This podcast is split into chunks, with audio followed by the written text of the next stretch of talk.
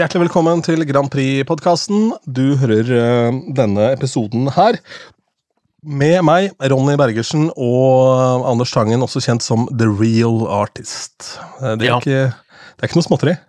Nei, nei, jeg har skjønt nå at jeg er the real artist. Uh, hun derre tulledama som eh, drev og tente på bilen til samboeren sin, han derre tidligere samferdselsministeren i Frp.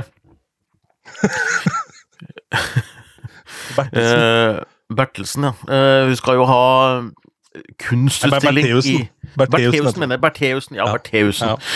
Hun skal jo ha kunstutstilling på Arendalsuka i morgen. Uh, stille ut noen vesker.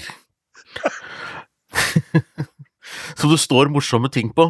Eh, og dette er visst kunst, da. Uh, så, og jeg skal ned til Kristiansand første uka i september, uh, til forløperen egentlig til Arendalsuka, nemlig protestfestivalen i Kristiansand som jeg snakket om før. Da skal jeg snakke om meningen med kunsten.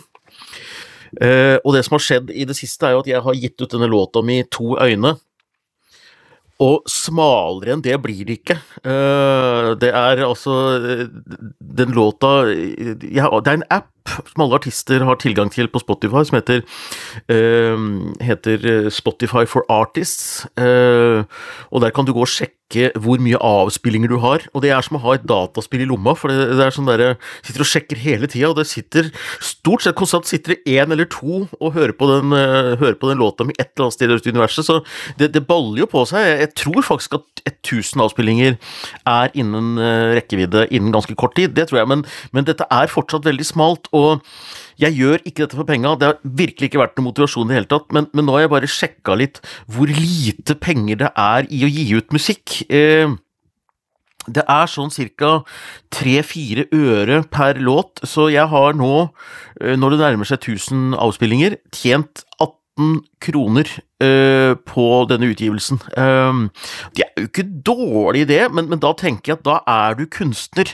Altså da er det formidlingsbehovet som står i fokus, og det å påstå at eh, artister som gir ut ting på Spotify gjør det for penga, eh, og at det er kommersielt, da snakker vi liksom Tix, Subwoolfer, at du får noen millioner avspillinger, men de aller fleste låtene ligger jo vaker rundt der jeg gjør nå. Eh, Så jeg har funnet meg to sånne standarder jeg konkurrerer etter. Det er to ting.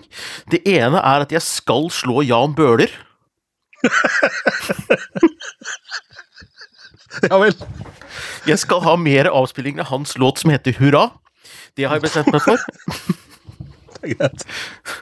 Og så har jeg sett at en som er med i Stjernekamp, som heter Melis, som jeg egentlig har vært fan av fordi jeg hørte en låt med henne på P1, og visste ikke hvem hun var, men jeg syns bare den låta 'Someday' var så utrolig bra, og jeg ble nysgjerrig på henne. Og jeg gikk inn og skulle se låta hennes på YouTube, denne låta 'Someday', og den har eh, 800 avspillinger. Og hun har 63 abonnenter på YouTube og er med i Stjernekamp. Så jeg tenker at det gjelder liksom hvor man setter lista si, men alt dette her er kunstnere, og vi gjør ikke dette for penger. Vi bruker penger på å lage kunstneriske opplevelser for folket der ute, og dette er ingen andre motivasjoner enn ren kunst. Det er viktig å være klar over. Alle disse er kunstnere, med unntak av Jan Bøhler. Det kan vi jo være enige om. Ja, men, men man må finne noen å sammenligne seg med, sånn at man ikke blir deprimert. For hvis jeg setter meg ned og sammenligner meg med Tix, så, så er det klart at da, da, da kommer jeg til kort, da. Eh, Norges rikeste popsanger som kan tapetsere Nationaltheatret T-banestasjon med eh, når han gir ut en eh, innspilling. Eh, så han får jo fortsatt også bare tre øre per eh, avspilling, men eh, det er eh, men det er volum, da. Internasjonalt marked. Ja, rett og slett det er volum du går på. Jeg må bare adressere et par ting her før vi kan snakke litt om Stjernekamp. Sitter du nå og drikker noe ut av et eggeglass? Ja, det er helt riktig. Eh, Jeg er jo eggetyven som går og stjeler fra sjømannskirker rundt omkring i verden. Eh, Og nå sitter jeg og smugdrikker litt absint fra, en, eh, fra et lite eggeglass, for det var det jeg hadde rundt meg. Jeg orka ikke gå opp i andre etasje for å finne meg et finere glass, så det er eh, fin liten kylling på forsida her, så skål. Helt i orden. Ja, skål for det. Absint der, altså. Jeg eh, har gått for eh, Flux-soda i dag, som mange mener at er verdens beste brus fra Roma Brusfabrikk. Ja, den må jeg prøve. Den smaker frukt og vanilje, så den er søt, for å si det mildt. Det vil jeg tro. Jeg lagde en Jentungen har fått seg en kokebok som hun aldri skulle ha fått tak i på. Uh, det er som en dopbok for ungdom i hvordan bli narkoman, for dette er sukkerhelvete fra en annen Det er en, det er en sånn enhjørning-kokebok. Og da har du tapt som pappa. Hun skal bare lage alle rettene der, så på lørdag måtte vi lage hvit kakao. Det var altså en halv liter melk, 200 gram hvit sjokolade, toppa med, toppa med marshmallows og sånn strø. Vær så god, kos deg. Det var altså så søtt, det. Det, var det ser ut som noe han er naboen til eh, Homer Simpson drev med, han Flander, når han skulle lage kakao. Det var sånn eh, ordentlig svær greie. Nei, men Jeg må jo ærlig innrømme å si at jeg ble veldig skuffa over at ikke du var en av deltakerne i Stjernekamp. Jeg var helt sikker på at det kom som en joker opp av hatten der. Eh, for de ble ja. annonsert tidligere i dag. Ja, jeg satt jo klar jeg også, og tenkte at de venter med avsløringen av artister til jeg har fått gitt ut én låt. Eh, nå vil vel kanskje onde tunger si at det er ikke så mye mer som skal til eh, i Stjernekamp, fordi for mange er nok dette ukjente navn, og, men jeg er litt lei, jeg hører ikke på det øret der, for det, dette er artister som er kjent innafor sitt segment, og Stjernekamp er litt sånn derre Og det er jeg òg. Jeg er også kjent innafor mitt segment, og jeg har eh, flere avspillinger eh, enn eh, Melis har på YouTube. Og så er det ting vi ikke kan sammenligne med Melis her, da, men, men liksom jeg holder med på det. Og jeg, og jeg nærmer meg Jan Bøhler. Ja. han er heller ikke spurt, har jeg sett. Eller kan hende han har spurt, han bare takka nei, kanskje. Han hadde ikke takka nei til Stjernekamp, vet du. Nei, garantert ikke. Uh, nå skal jo Hadia Tajik være med i Skal vi danse. Uh, og Trygve Slagsvold Vedum har jo vært med i uh, i Maskorama. Og Mia Gundersen stiller jo til valg for noe som heter Folkestyret et parti i eh, Et slags eh, parti med et veldig rart program. Og Mia Gundersen, henne har det rabla for. Eh, det er veldig morsomt å observere. At det, ramler, at det er flere og flere som ramler utfor, sammen med han Svein Ørstavik og hun Kari Jakkesson, og nå også litt Mia Gundersen. Det er noe med et moderskip som er utenfor her, og som sender noen slags romvesener inn til oss, og som Joe Biden har drevet og skutt ned, men de er jo bare fredelige, så dette skal eh, Mia Gundersen predike da i Oslo kommunestyre hun blir valgt inn som uh, fra femteplass på lista, så godt valg. Her er det bare å glede seg, og bruk for guds skyld stemmeretten. Denne gangen er det viktig. Ja, jeg syns det. Jeg syns det. Mia Gundersen Men jeg, jeg, jeg tror uh, jeg tror hun vil vel, altså. Uh, vi, vi, vi, vi, får satse på det. Hun er sikkert snill. Jeg tror ikke hun er slem, men uh, det var Jeg gikk inn på Facebook hennes i dag for å se litt, og det var, det var mye jeg sleit litt med, for å si det sånn. Jeg er glad for eksempel at jeg fikk vaksinen mot mot covid, og tror ikke at det er en sånn såkalt C-sprøyte som noen driver og sprøyter i oss. Jeg tror ikke det. Så, men hun får holde på. Det blir sikkert bra. Ja, Skal vi snakke litt om uh, Øyafestivalen, kanskje? Der var jo du uh, Jeg var på torsdag, du var på lørdag? Jeg var på lørdag, og uh, fikk denne her festivalopplevelsen som ble utrolig sånn fragmentert.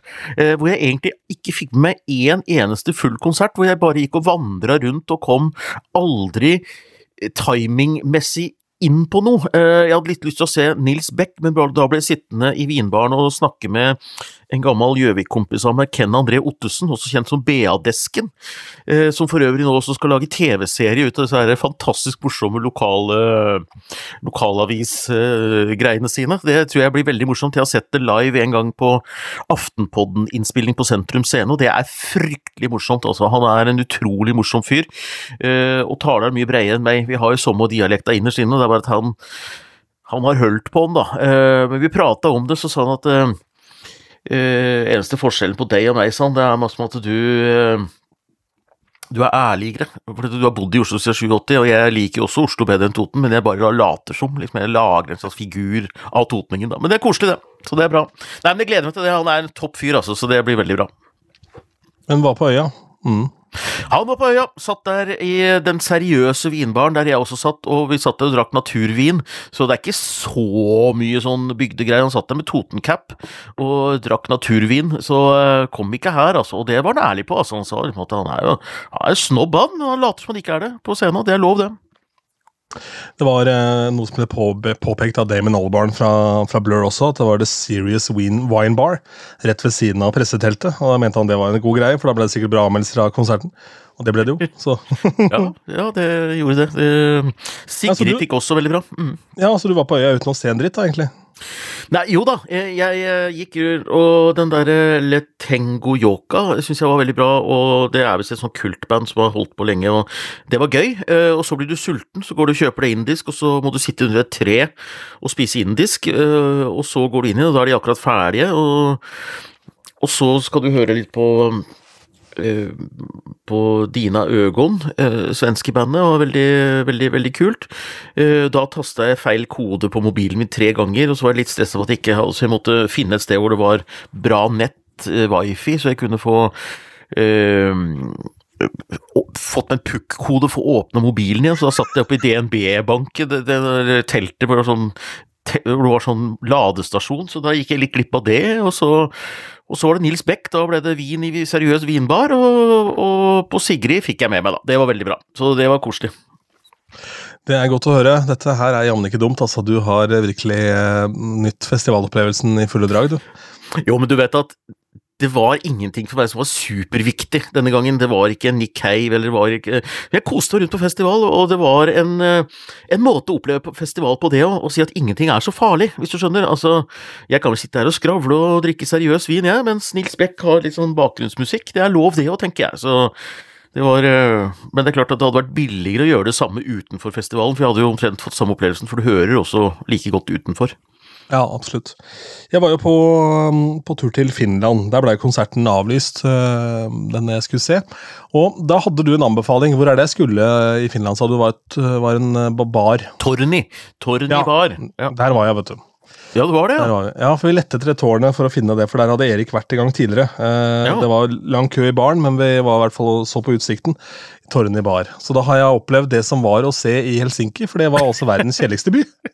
Ja, nei, eh, man må vite hvor man skal uh, i Helsinki, og jeg kan skjønne hva du sier. Uh, jeg liker jo kjedelig musikk, og liker kjedelige byer. Jeg liker Helsinki. Uh, på Tøyen så er det en bar som heter Glasnost. Utrolig kul russisk-inspirert bar, eh, kanskje litt politisk ukorrekt, men eh, i Helsinki så var det lenge en bar som het Moskva kafé, hvor det sto ei barmfager dame som så ut som en sånn russisk babusjka med eh, vinylspiller, og spilte sånne russiske kamplåter og musikk, eh, og vi satt der og drakk vodka med litt eventuelt litt blandevann og sånt noe. Fantastisk autentisk stemning, et slitent lokale like ved en kino. Veldig sovjetisk, russisk, fantastisk stemning, veldig moro, bitte lite, trangt.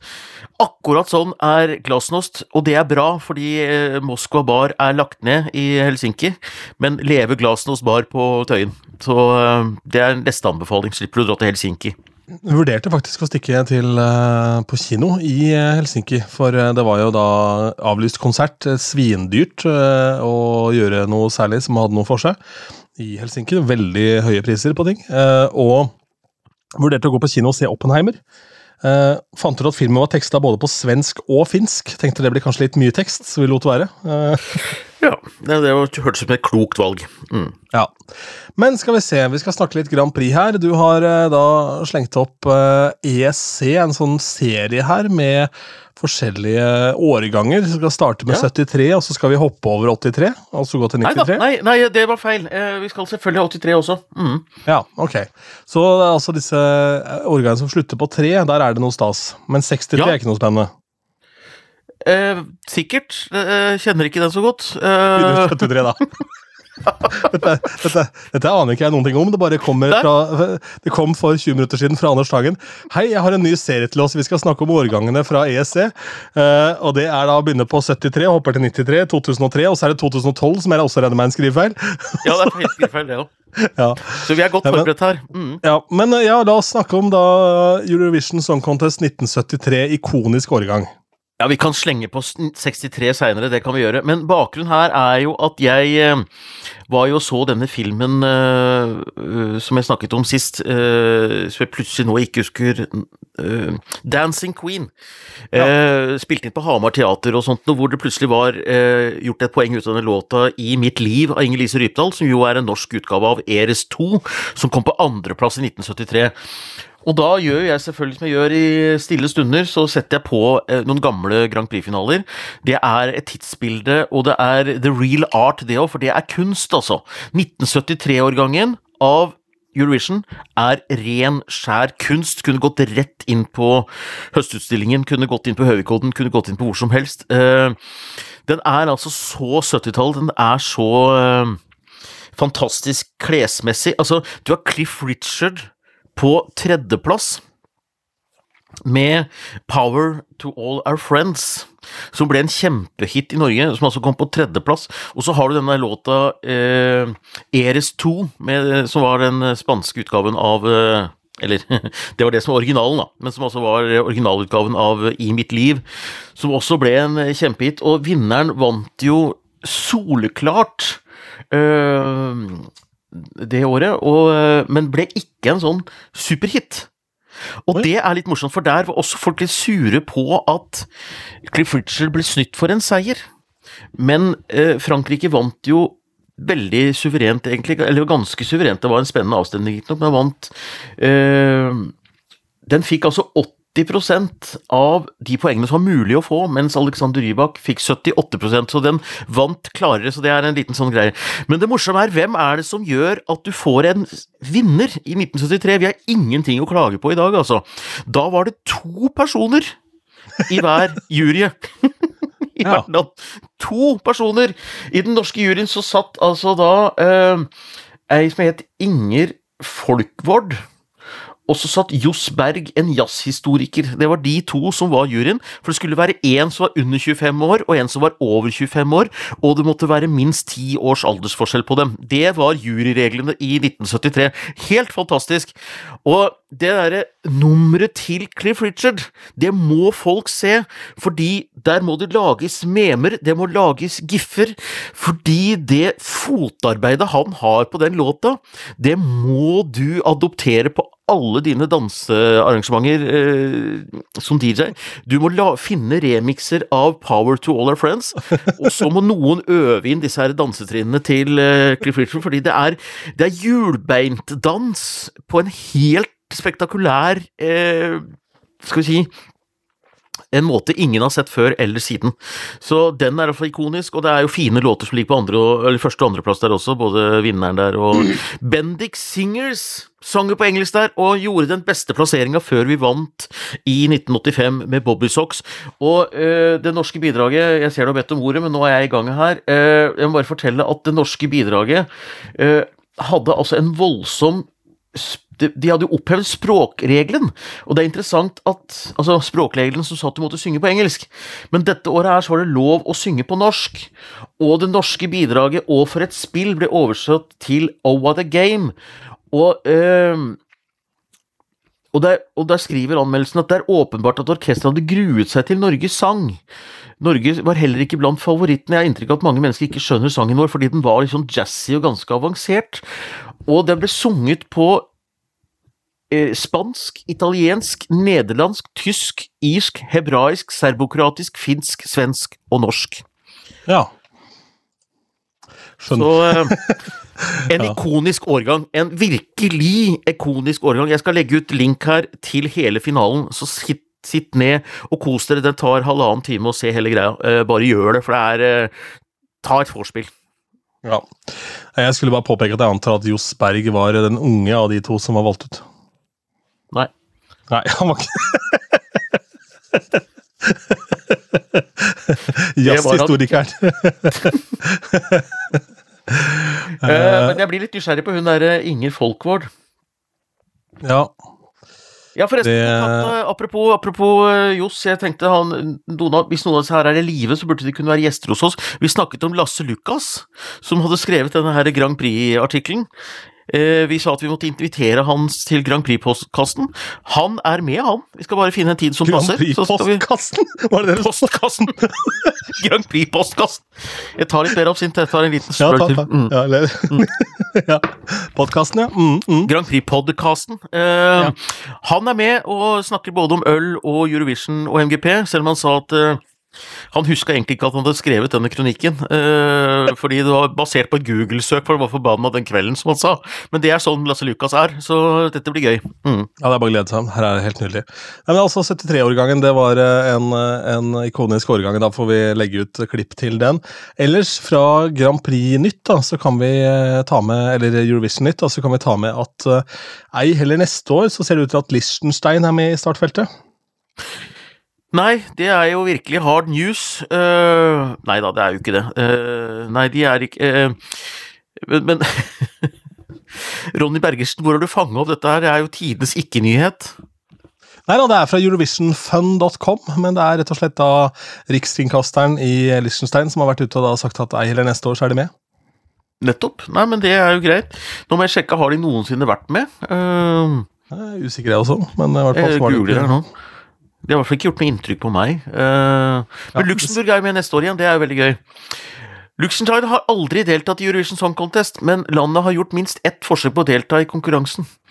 Uh, I 2010 Hva står det her, da? Nå, nå, nå, dette er live. I 2010-årene gjorde fyrstedømmens kringkaster FLTV flere framstøt for å delta i konkurransen. TV-kanalens økonomi og manglende medlemskap i EBU satte imidlertid en stopper for Liechtensteins debut. Og i 2022 gikk kringkasteren bort fra planene om å bli EBU-medlem. Ja. Men det har prøvd, da. I 1976 hadde Liechtenstein valgt bidraget My Little Cowboy med artisten Biggie Bachman. Uh, Men Liechtenstein hadde ingen kringkaster, og dermed kunne ikke fyrstedømmer stille i konkurransen. så er det ikke, mangler ikke en, så mangler det andre. Å nei, stakkars. Du, det, det minner meg om en annen fun fact. Jeg må bare si eh, pauseunderholdningen i 1973 er også helt fantastisk ikonisk. Fordi eh, den må folk bare glede seg til. Eh, Det er en ganske kort sending, men uh, i pausen så opptrer da altså, skal vi se, hva heter han nå? uh, Klovnen Charlie Rivell. ok.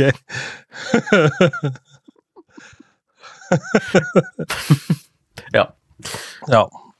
Nei, det er en Um, ikonisk årgang, altså. Virkelig. Eh, og det er bare å glede seg til vi, til vi skal legge ut 1983 neste år med Teigen og Doremi, og det er mye moro og snacks i den finalen også. Men 1973, det er det som er hjemmeleksa til neste gang. Se på den og send oss, eh, send oss dine reaksjoner, eh, både på antrekk og klær og eh, Cliff Richard hjulbeintedans, og eh, må gjerne prøve den på gulvet. Så du tror altså at lytterne våre har 1 time og 44 minutter å sette av til å se årgangen fra 73? Bare sånn fra toppen av huet? Ja, men det er ja, men det er jeg helt sikker på. Eh, jeg og samboeren vi satt og så på eh, første episode av krimserien eh, Blindpassasjer fra 1978 her. Vi bare kom over det på NRKs arkiv med Henny Moan i hovedrollen. Så det tok en halvtime, det òg. Vi har allerede snakka om at dere er jo et litt spesielt par, eh, og så ja, men hvis du, mot formodning, hvis du mot formodning skulle finne tid i livet til å se da nesten to timer av, av Eurovision Song Contest fra 1973, så for all del gi oss feedback. Eh, Vi har e-postadresse hei at grandpripod.no. Skal vi si takk for oss, da, eller? Jeg tror det er bra, jeg. Eh, og da skal jeg eh, drive og gnåle på sosiale medier om min låt To øyne. Eh, jeg har ikke noe stort PR-apparat, så jeg må drive og legge ut små snutter eh, hver dag med små historier om denne låta, og det funker, det. altså. Det er overraskende mange som følger med, så en liten oppfordring herfra, siden jeg ikke har noe PR-apparat, så bortsett fra det voldsomme lytterantallet til Grand Prix-podkasten, her går vi fra den ene suksessen til den andre, så hvis dette enorme publikum her deler dette, så er det håp om å kunne nærme seg Jan Bøhler neste uke. Det er en bra setning. Takk for oss. Hei.